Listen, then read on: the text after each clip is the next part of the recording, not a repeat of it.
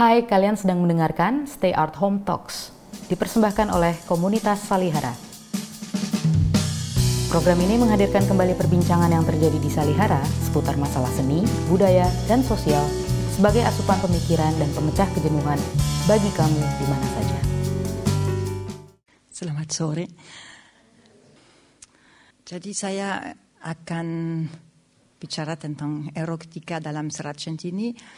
Saya tidak kasih introduksi tentang serat centini. Semoga semua yang hadir mah sore ini sudah tahu kira-kira centini apa atau mungkin dalam kata pendek ya itu adalah karya sastra Jawa yang dianggap terbesar uh, dalam sejarah kesastraan Jawa dan terindah juga dari abad ke awal ke, 12, ke 19 ditulis di Keraton Solo oleh paling tiga pujangga keraton dan uh, ada 12 jilid 4000 halaman kira-kira.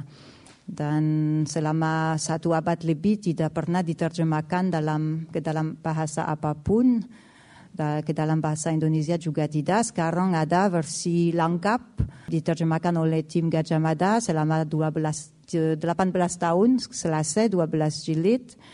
Dan tapi saya mulai bekerja dengan serat centini jauh lebih dulu tahun akhir tahun 90 Uh, dan versi saya bukan terjemahan utuh, tapi ya saya mulai dengan terjemahan utuh, dengan ah, saya bekerja dengan ahli bahasa Jawa, lalu ke dalam bahasa Indonesia, dari bahasa Indonesia ke dalam bahasa Perancis, dan saya bikin semacam tafsir atau uh, rekomposisi baru ya, dan uh, ahli-ahli uh, sastra Jawa di seminar yang pernah ada di uh, UGM dua tahun yang lalu mereka sebutkan versi saya sebagai serat centini abad ke-21 jadi saya terima dengan sangat senang hati ya uh, istilah itu. Uh, tapi semoga akan ada versi dalam abad ke-21 bisa uh, ada ratusan versi lain karena serat centini memang kaya sekali luas ya jadi ada ruang untuk banyak penyair, penulis yang mau berkembang berkat centini ya. Jadi erotika.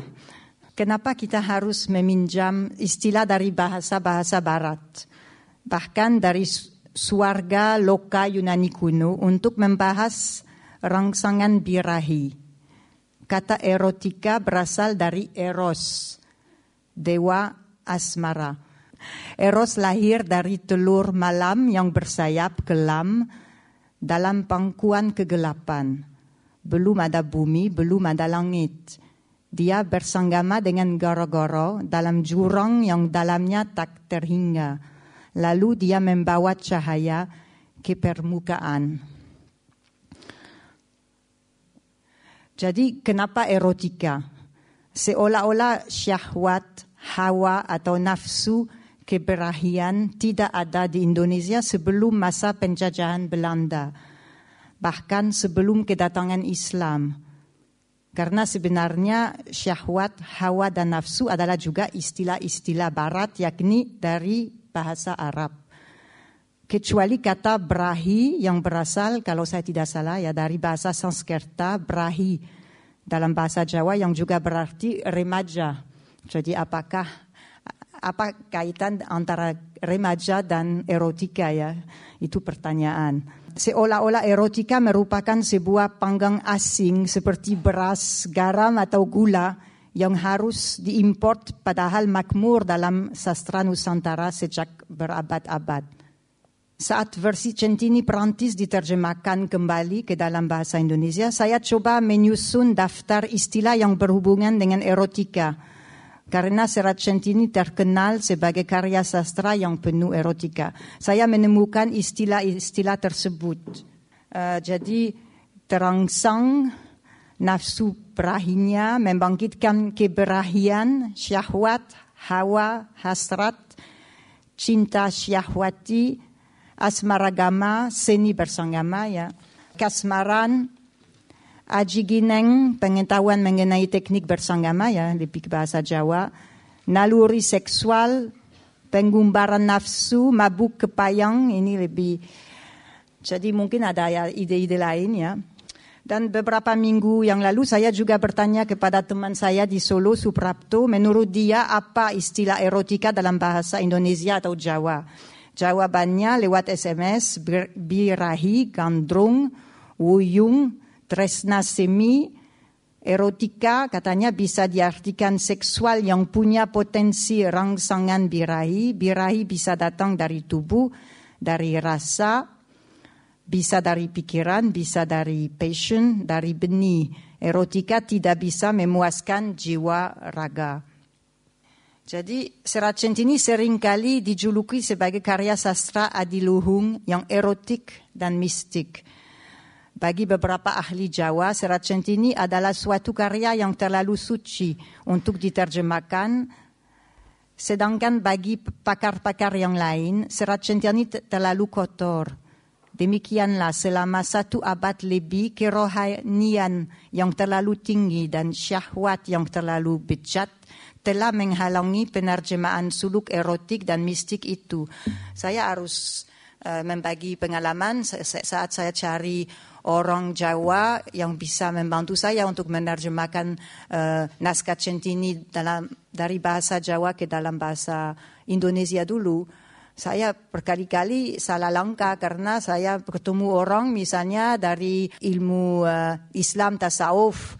Karena ada banyak tasawuf dalam uh, serat ini tetapi mereka tidak mau menerjemahkan bagian-bagian yang dikatakan erotik dan seperti saya yang salah saya yang wah dikatakan saya yang memaksa mereka dan saya bilang ya itu maaf ini uh, bukan tulisan saya ini nah, sastra itu tidak datang dari barat, ini betul-betul datang dari pusat kebudayaan Jawa ya, Keraton Solo. Uh, jadi ini ma makanya ada masalah dengan istilah karena sepertinya semua saya lihat semua kata-kata yang sering berhubungan dengan seksualitas ya seksualitas pun selalu dipijamkan dari barat.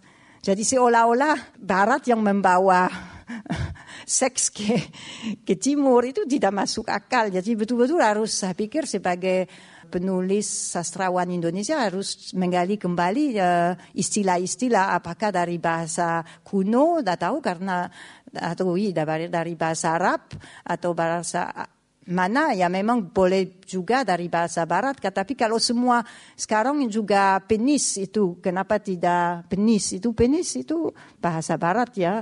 Pasti beberapa tahun yang lalu tidak ada penis. Jadi seperti tabu kalau kita pakai istilah Jawa atau istilah Indonesia kalau kita bicara tentang alat kelaminan ya atau jadi ini satu refleksi ya dan itu saya ketemu masalah itu sesaat saya menerjemahkan kembali versi saya dari bahasa Indo, Prancis ke dalam bahasa Indonesia.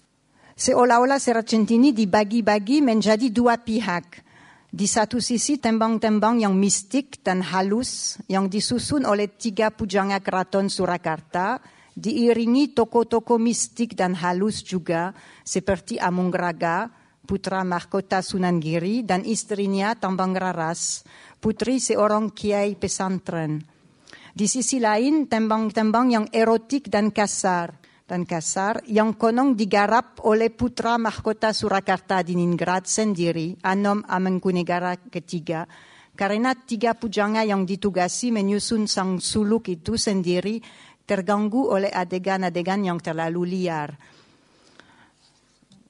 Sebenarnya ajaran utama Centini adalah bahwa erotik dan mistik tidak dapat dipisahkan. Puncaknya erotika terjadi pada puncaknya mistik persatuan atau manunggal kedua sifat berlawanan itu akan kita kaji sore ini bersama-sama. Namun kita akan mulai dengan membaca beberapa tembang centini yang biasa dianggap erotik. Jadi contoh satu, pertama erotika si Cebolong. Jadi siapa Cebolongnya? Cebolong adalah seorang remaja dalam serat centini yang bertubuh luwes dan licin kami pernah dipentaskan di sini di Saliarat bersama Slamet Gundono. Ya. Keolakannya yang kabur telah membakar semua budi dalam raganya dan ini di luar kehendaknya sebab tiap kedipnya, tiap kial tangannya menyulut nafsu wanita maupun pria yang tersentuh olehnya. Walau tak sengaja. Di malam takbiran dia begitu saja mingat dari rumah ayah ibunya yang saleh tanpa pamitan kepada mereka. Ia telah melakukan tindakan yang sedemikian memalukan sehingga dia putus asa akan diampuni atau dilupakan kesalahannya kecuali menceburkan diri dalam kelakukan-kelakukan yang lebih hina lagi. Ia pergi berkelana bersama empat kawannya petualangannya mengisi empat jilid serat centini. Jadi ini ada tembang satu contoh dari Cebolang, tembang yang dari versi saya ya, tembang 42. Setelah ganti pakaian, Cebolang dan Nurwitri kembali ke asrama. Begitu membuka pintu, mereka terkejut melihat dua gadis cantik yang berpura-pura tidur di ranjang. Satunya rebah sedikit serong, jaritnya sembarangan, dan merak-merak yang tertulis di kainnya merekuk air hitam di dasar pukasnya. Lainnya telentang. Buah dadanya menampang seperti dua binatang laut di atas nampan keemasan tubuhnya. Nyala lampu melukiskan senyum purnama mengintai bibir mereka. Cebulang berkata, Bagaimana pendapatmu, saudaraku? Bisa-bisa kita jatuh cinta, tapi itu apa benar-benar bahaya? Ayo kita masuki mereka pelan-pelan dalam tidurnya. Gadis berbuah dada kuning itu untukmu, aku ambil yang berperigi hitam legam. Nanti kita tukaran. Kedua pemudi itu gemetar, merasa harapan mereka akan terpenuhi. Kedua pemuda telanjang, Nurwitri meletakkan kedua putingnya yang halus rata ke pentil berkilau pasangannya dalam kecupan susu ganda. Sedangkan cebulang dengan ujung lidahnya menggurat lingkaran api ke seputar pukas gadis lainnya. Keduanya darah berpura-pura kaget. Tunggu, ada apa? Oh, ayo duduk mulutku terbakar keinginan mengunyah sirih. Dan begitulah mereka duduk satu dan lainnya dengan si lelaki dalam kedudukan sedikit miring di antara kedua kakinya. Mereka memamah sirih sepenuhnya sambil goyang bersetubuh, menutup mata, menyelaraskan diri dengan turunnya lingga buta ke jurang liang sanggama. Sebulang dan Nurwitri menyerap kenikmatan para gadis seperti dua bunga karang laut yang segera menyemburkan air mani beraroma tripuspa. Mereka mengasah lagi batangnya dengan ajian tajam yang hanya diketahui oleh kaum musafir Jawa. Mereka bertungkar tempat dan gadis, lalu bermain cinta lagi hingga malam silam. Menjelang fajar, mereka buru-buru melupakan diri terakhir kali dalam tubuh kedua gadis. Kemudian keluar sembunyi-sembunyi. Mereka pergi ke sumur untuk membasuh kepala dan kelaminnya, lalu wudhu.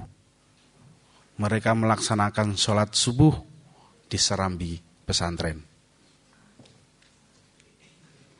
Ya karena semua terjadi dalam pesantrennya. Maaf bukan dari saya tapi dari pujangga-pujangga keraton Solo. Ya.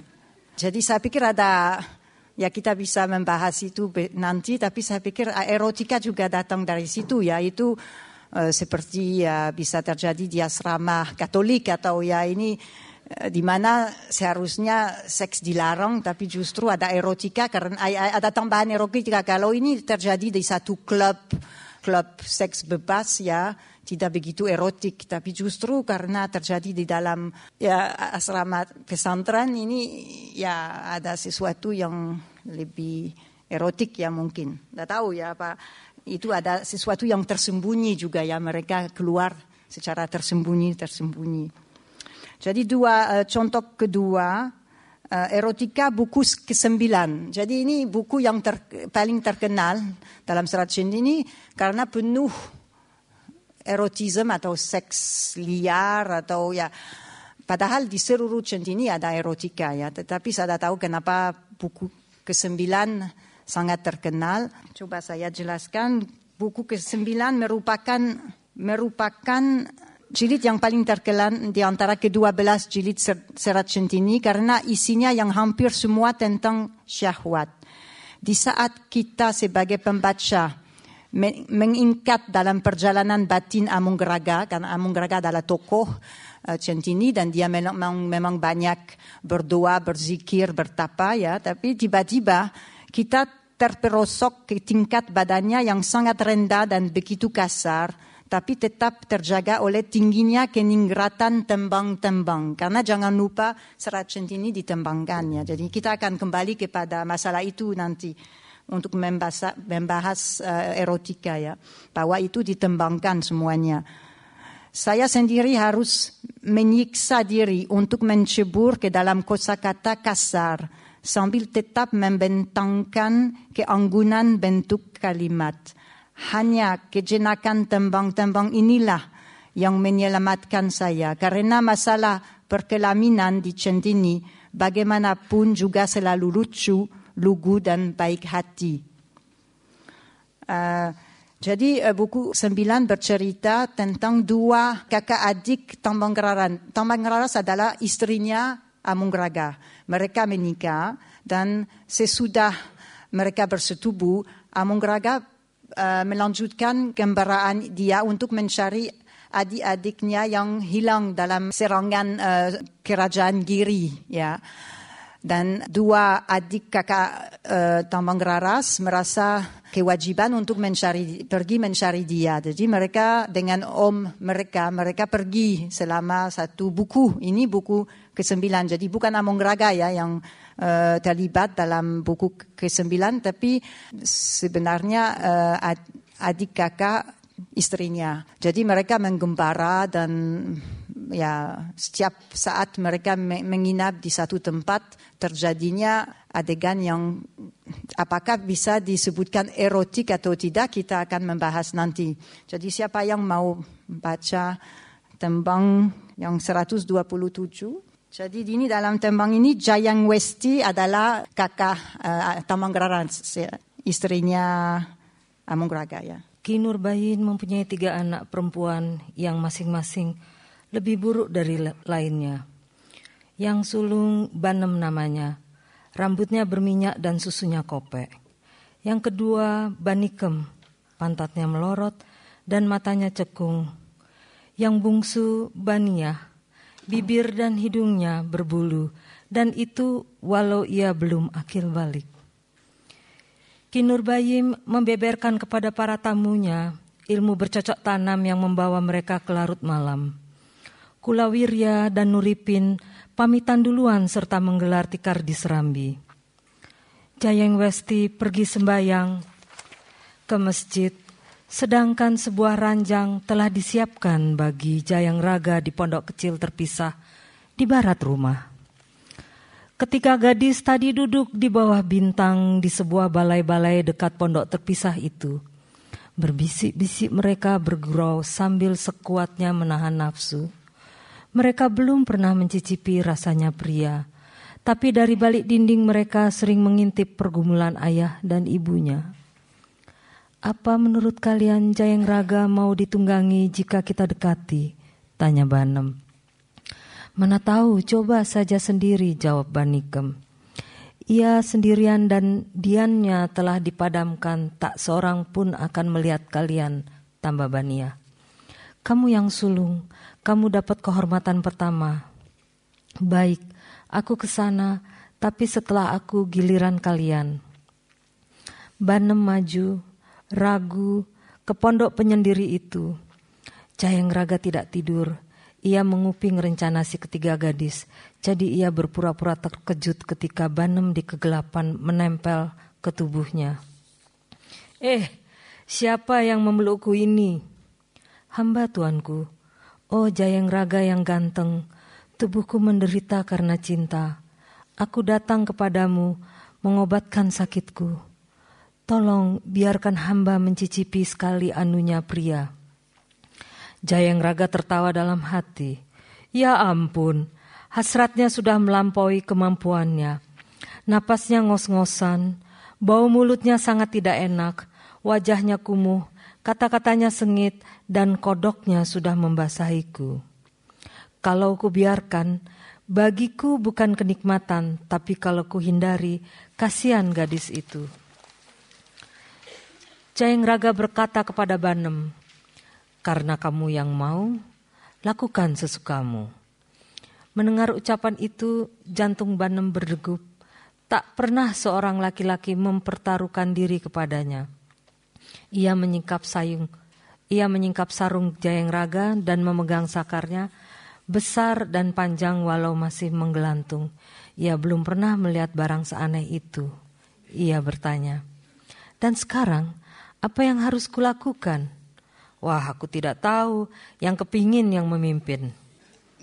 Dalam buku ke-9 yang asli, adegan itu berlanjut selama 100 halaman. Di, bukan diringkas tapi di, ditulis kembali dalam 10 halaman. Cukup susah ya. Tapi ini penuh humor ya. Memang itu lucu sekali. Jadi bergantian tiga gadis itu. Jadi apakah itu erotika atau tidak ya? Jadi tentang tembangnya karena penting sekali saya kira. Serat centini ditulis terutama untuk ditembangkan. Dalam sastra Jawa kuno suara nitis pada penyair bagai suatu wahyu yang datang lebih dulu, baru kemudian lahirlah irama dan ragam menemani si pujanga memasuki kata-kata satu persatu. Penyesuaian antara irama, mocopat dan gema kata-kata itulah yang menciptakan makna suluk dan keindahannya. Di dalam syair-syair cabul, kekotoran kata dihalau terbang oleh keanggunan tembangnya. Justru perpaduan antara lumpur dan emas itulah yang membentuk erotika khas centini. Kalau tembang dihilangkan, para pembaca akan terjebur ke dalam lubang comberan kata-kata dan amblas ke dalam lumpur untuk selamanya. Uh, jadi sayang kita tidak, saya tidak bisa menembang, maaf sekali, tapi kita itu bisa dibayangkan tembang yang tadi ditembangkan ya, dan diiringi gamelan dengan ibu uh, satu sinten yang halus. Jadi ini pasti erotika berkembang juga ya, uh, dan bertambah ya.